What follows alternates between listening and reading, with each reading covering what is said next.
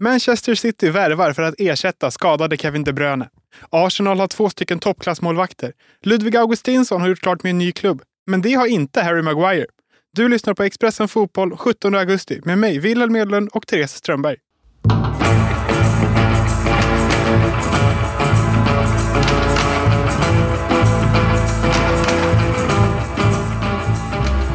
Therese, vi börjar med Man Uniteds tidigare lagkapten Harry Maguire som kanske blir kvar i klubben trots att det ryktades om att West Ham var där och drog. Ja, och eh, det här är ju en eh, soppa som, precis som väldigt många andra, att man inte egentligen vet vad som är sant och inte. Det har ju varit jättemycket motstridiga uppgifter kring att ena dagen så vill Ten Hag att han lämnar och andra dagen så är han jätteviktig för truppen och han tycker att det är bra att han blir kvar och eh, det har ju liksom pratats om allt från att, han, att klubbarna har varit överens men att Maguire inte har varit överens med vare sig West Ham eller United om en flytt och att det är han som har motsatt sig. Eh, det går ju om man vill att spekulera i att eh, United kanske behöver ha kvar Maguire med tanke på att eh, mittbackar går sönder på löpande band i Manchester United. Eh, det är väldigt mycket som är väldigt oklart eh, i det här.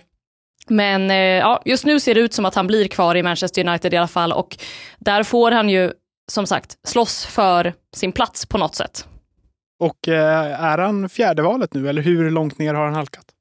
Ja, han är ju väldigt långt ner får man ju ändå säga och det är väl det, är väl det som är, det är väl det som gör att det har blivit så mycket eh, irritation runt det här också från om, om man kollar supporterhåll till exempel så kan man ju förstå om supportrarna, eh, vilket man har sett lite liksom, uttryck för i sociala medier, att man tycker att han är eh, liksom girig och att han inte liksom, bryr sig om, om klubben så att säga, när det då har rapporterats att han inte har velat flytta på grund av då det ekonomiska. Dels fick väl han en, en löneförhöjning när United nådde CL. Det var väl eh, säkert en, en klausul som många spelare hade i sina kontrakt att eh, når man CL så får man en löneförhöjning och sen har inte West Ham kunnat matcha den lönen då.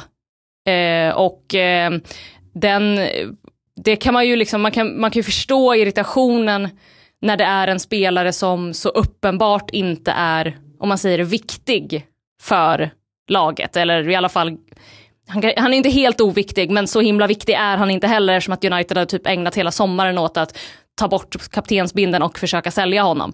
Eh, men eh, nej, så att jag, jag, man kan på något sätt förstå att det finns en irritation samtidigt som eh, han har ju inga liksom, det är ju så det är i fotbollsvärlden att när, när man när fotbollsekonomin ser ut som den gör, spelare går för de summor de går för, får de löner de får och den status de får och liksom, de lever hela sina liv i den världen på något sätt. Eh, då, då är det det här man får också. Då är det spelare som inte går med på att gå ner några hundratusen eller någon miljon eller vad det nu kan vara i lön för att varför skulle han? Han har ju liksom han har ju blivit, han har ju fått berättat för sig i flera år att det är det här han förtjänar. Eh, så varför skulle han gå med på helt plötsligt att han förtjänar någonting mindre bara för att klubben har bestämt sig för att det finns andra spelare som är bättre än honom. Alltså, det, det, det är, liksom, det är en sån väldigt, väldigt konstig värld.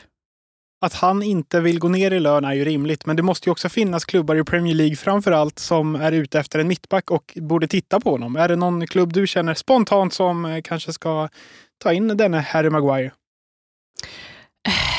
Nej, alltså inte på rak arm kanske, även om jag tycker absolut att det finns nog klubbar som är mindre än Manchester United som skulle kunna få liksom, ordning på Harry Maguire tror jag. För att det är ändå i grund och botten, det har jag sagt många gånger, så är det en bra fotbollsspelare. Det har bara inte blivit bra för honom i United och han har på något sätt liksom lyckats bli sämre och sämre och sämre under hela sin tid i klubben. Så att, eh, men jag tror att det som, det som är ett problem är nog det ekonomiska. Eh, dels eh, att eh, United eh, säkert vill ha eh, en ganska stor summa för honom, men också att han själv vill ha en ganska hög lön och det sägs ju också att eh, han ska ha velat ha pengar från United för att gå med på att, eh, säkert som någon slags då mellanskillnadssumma eh, på något sätt i och med att han får en lägre lön i West Ham än vad han har i United rimligtvis. Eh, men så att jag vet inte, det, det, känns som att det finns klubbar som inte borde avskriva honom eh, om man behöver mittbackar. Det finns eh, absolut eh, eh, det finns absolut någonting i också att jag tror kanske inte att Harry Maguire, eller så här, beroende på vad han vill, vill han bara tjäna pengar, då gör ju han på något sätt rätt i att bara vara kvar kontraktet ut i United. Men känner han att han liksom faktiskt vill spela fotboll eh, kontinuerligt så, så borde ju han inte se det som något extremt nedköp att gå till en annan Premier League-klubb om man säger så. Vi tar oss ifrån en Manchesterklubb till en annan och hamnar i Manchester City. Vi snackade igår om Kevin De Bruyne och att han har skadat sig och eh, idag kommer vi snacka om att Manchester City av allt att döma ser ut att vilja ersätta honom med antingen Jeremy Doku eller Lucas Paqueta, kanske båda.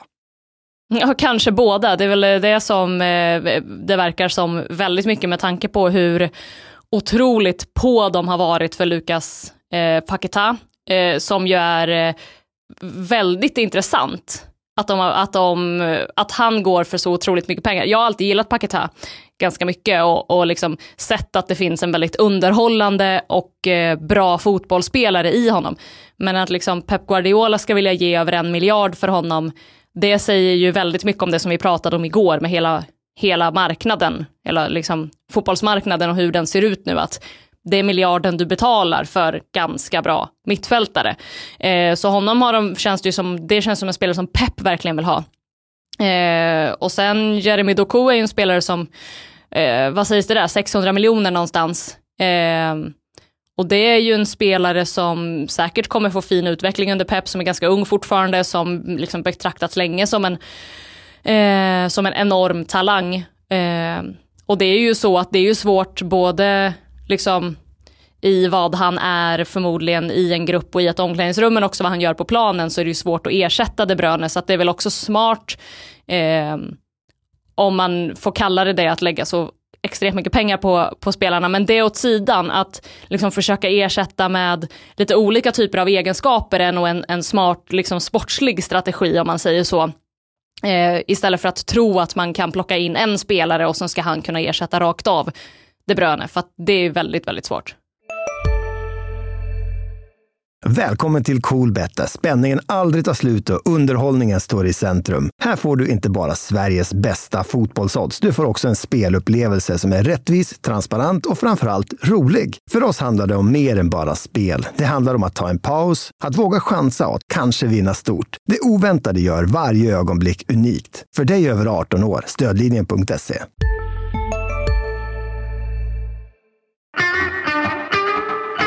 Hur bra är Lucas Paquetá då? Jag kanske har levt under en sten, men jag, min uppfattning är att det snackades mer om honom innan han kom till West Ham än vad det har snackats om honom sedan han kom till West Ham. Ja, men är det inte väldigt eh, ofta så med den typen av spelare i Premier League? Alltså, det är ju en spelare som är väldigt eh, eh, nu minns jag inte vem det var, men det var någon i Milan som kallade honom för too Brazilian. Eh, och då kan man ju tänka sig hur liksom vidrigt det uttalandet än, än känns på en väldigt, väldigt massa olika sätt. Så förstår man ju vilken typ av, liksom, vilken spelartyp det är om man inte har sett honom spela särskilt mycket. Men det är en jättebra spelare. Skulle jag köpa honom för en miljard om jag hade de pengarna till min klubb? Nej, det hade jag såklart inte gjort. Men som sagt, det är ju inte, det är ju liksom inte egentligen kvalitet som avgör så mycket vem som går för en miljard och inte längre, utan det har ju bara blivit, det har ju bara gått bananas. Eh, men det är en jättebra spelare och jag tror att han skulle kunna eh, fungera jättebra i ett eh, Pep Guardiola-lag, även om jag kanske inte tror att det är en, en spelare som, eh, han kanske inte får helt och hållet det utrymmet att fullt ut eh, vara så underhållande som han kan vara, för att det är svårt att få det utrymmet överhuvudtaget i Premier League utan att bli liksom superhånad. Kolla bara på eh, Jack Grealish. Han är inte lika rolig att titta på nu som han var när han var i Aston Villa. Nej, exakt. Men är han en sämre fotbollsspelare för det? Nej. Nej. Alltså, så att det är ju liksom, jag tror att eh, om Pep så himla gärna vill ha honom, eh, jag sa det här inför säsongen också, apropå Kai Havertz till Arsenal, att jag har liksom ingen, jag har ingen anledning att misstro eh, Mikael Arteta. Eh, för att han har inte gett mig någon, om du förstår vad jag menar. Och det är lite samma grej här, att om Pep så himla gärna vill ha honom så tror jag att han skulle kunna eh, få honom att prestera väldigt bra i City. Vi åker vidare ner till London och eh, där har det värvats en målvakt i form av David Raya ifrån eh, Brentford. Och eh, det här är en målvakt som Jag trodde skulle bli första målvakt dit han kom, men nu blir han väl inte första målvakt med tanke på att Aaron Ramsdale finns där framför. Ja, det här är ju, det är ju liksom en breddvärvning som man egentligen inte kan göra som Arsenal har gjort. Att det är ju en målvakt, precis som du säger, som borde vara första målvakt, som borde själv se att han ska vara första målvakt eh, i sitt, även i, sitt, liksom, i nästa steg i, i karriären, men som här sannolikt inte blir det. Med det sagt, det spelas extremt mycket matcher för Premier League-lagen som också spelar i, i Europa. Eh, det är ju spelare som, många spelare spelar ju väldigt mycket med eh, sina, eh, sina landslag också eh, därtill så att det finns matcher att spela. Äv, även som målvakt som kanske inte är den liksom eh, jag ska inte säga att man inte är lika liksom fysiskt utsatt, men du förstår ändå vad jag menar. Att, eh, det är inte så ofta som man roterar på sina målvakter lika ofta som man kanske gör det på anfallare eller så. Men även för målvakter så, så kommer det finnas utrymmen att, att, spela matcher och jag tror kanske att många spelare eh, Även om man vill spela så mycket matcher som möjligt så vore det ju smart om spelare också började se fördelarna i att faktiskt bli roterad ibland och det är säkert spelare som gör det.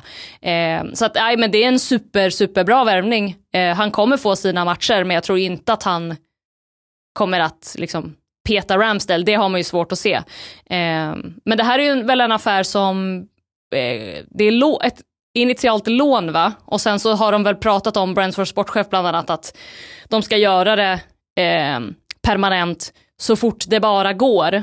Och där har ju alla menat på att eh, nej men vi, ville, vi, vi löste det som ett lån för då kunde vi lösa det så snabbt som möjligt. Eh, men det finns väl också en del teorier om att det kan ligga lite financial fair play eh, eh problem i, i bakgrunden där som gör att man väljer att göra det på lån först. Men även fast det är ett lån nu så ska det i alla fall bli en permanent övergång. Det är det som är intentionen från precis alla inblandade. Det tror jag att vi kan räkna in. Och eh, jag funderade lite snabbt på hur bra målvaktsduos har vi haft i de olika lagen? Och slogs rätt fort av att PSG satt med både Keylor Navas och eh, Gianluigi Donnarumma för någon säsong sedan. Och det är också en hyfsad duo. Men, men att ha två så här bra målvakter, tror du att det kommer bli problem eller är det bara bra? Alltså jag har svårt att se att det ska bli ett problem, eller så här, det beror ju på, man vet ju inga detaljer och man vet inte vem som har blivit lovad vad och hur diskussionen har gått. Raja själv verkar ju, han, det enda han har sagt att det här är en liksom för stor möjlighet för mig att tacka nej till och han kan komma till en stor klubb och, och allt där. Och den biten förstår man ju verkligen. Sen beror det ju på, har han fått liksom att så här, vi har Ramsdale, han är vår första målvakt, men vi ska spela extremt mycket matcher den här säsongen, förhoppningsvis, vi vill gå långt i alla turneringar och då kommer det finnas möjligheter för dig att spela och vi kommer att behöva rotera. Eh, då tror jag ju inte, i alla fall inte på kort sikt, att det ska behöva bli någon, jag menar, när Donnarumma kommer till PSG så kommer ju han som en av världens absolut bästa målvakter. Eh, som liksom med mästerskapsmedaljer, alltså det är ju en spelare som kommer som en stjärna. Eh, och där kan man ju förstå att det blir friktion. Eh, men det är ju inte riktigt samma situation här, även om det är två väldigt, väldigt bra målvakter, så är det ingen av dem som har liksom den stjärnstatusen eller den. Eh, så att utifrån det så tror jag inte, inte på kort sikt i alla fall, men skulle det bli så att Raja kommer till Arsenal, eh, han får spela liksom tre matcher på hela säsongen och, eh, och är väldigt, väldigt missnöjd så kan det ju bli det i det längre loppet. Hej, Ulf Kristersson här. På många sätt är det en mörk tid vi lever i. Men nu tar vi ett stort steg för att göra Sverige till en tryggare och säkrare plats. Sverige är nu medlem i Nato. En för alla, alla för en. Har du också valt att bli egen? Då är det viktigt att skaffa en bra företagsförsäkring. Hos oss är alla småföretag stora och inga frågor för små. Swedeas företagsförsäkring är anpassad för mindre företag och täcker även sånt som din hemförsäkring inte täcker. Gå in på swedea.se företag och jämför själv.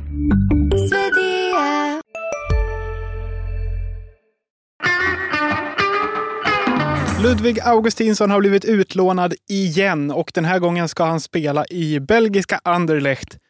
Men eh, det här ville inte han och eh, jag hade heller inte velat se det här hända egentligen. Vad tänker du? Nej, han sa ju för bara några månader sedan, eh, så sa han ju att han inte vill gå på lån igen. Att eh, det inte har varit bra för honom. Det är väl hans typ femte klubb på tre år eller något sånt. Eh, han lämnade Werder Bremen för ett par år sedan och eh, fick inte speltid i Sevilla dit han gick. Han har varit utlånad till Aston Villa, varit utlånad på Mallorca, inte fått speltid eh, kontinuerligt eh, och sa ju det att det, det, nästa gång jag går någonstans så blir det inte på lån. Och det, är liksom, det som ligger i att man säger så är väl att man vill till en klubb som verkligen vill ha en och inte en klubb som bara ser en möjlighet att få in en, en spelare en liten stund.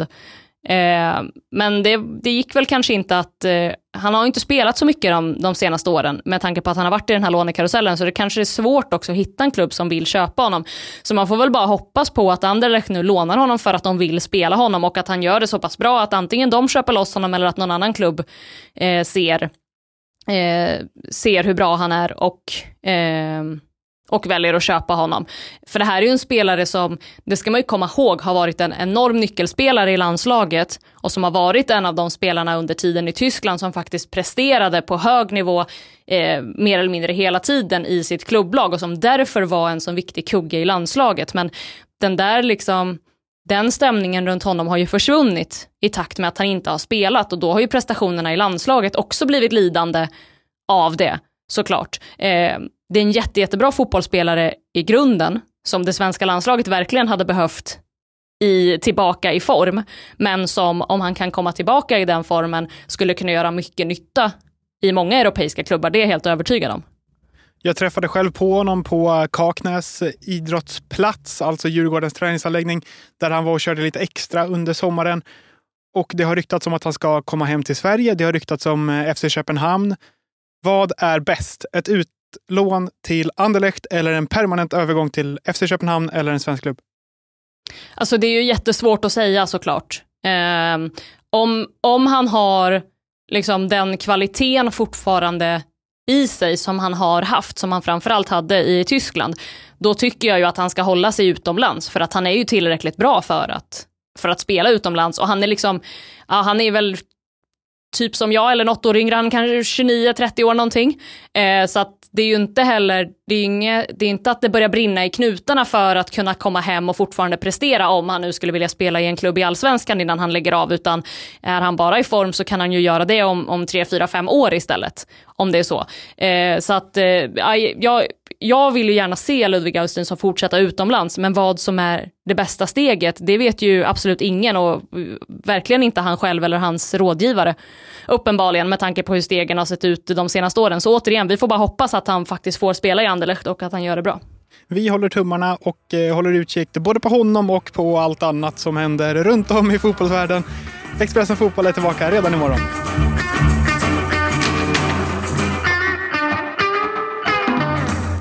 Du har lyssnat på en podcast från Expressen. Ansvarig utgivare Klas Granström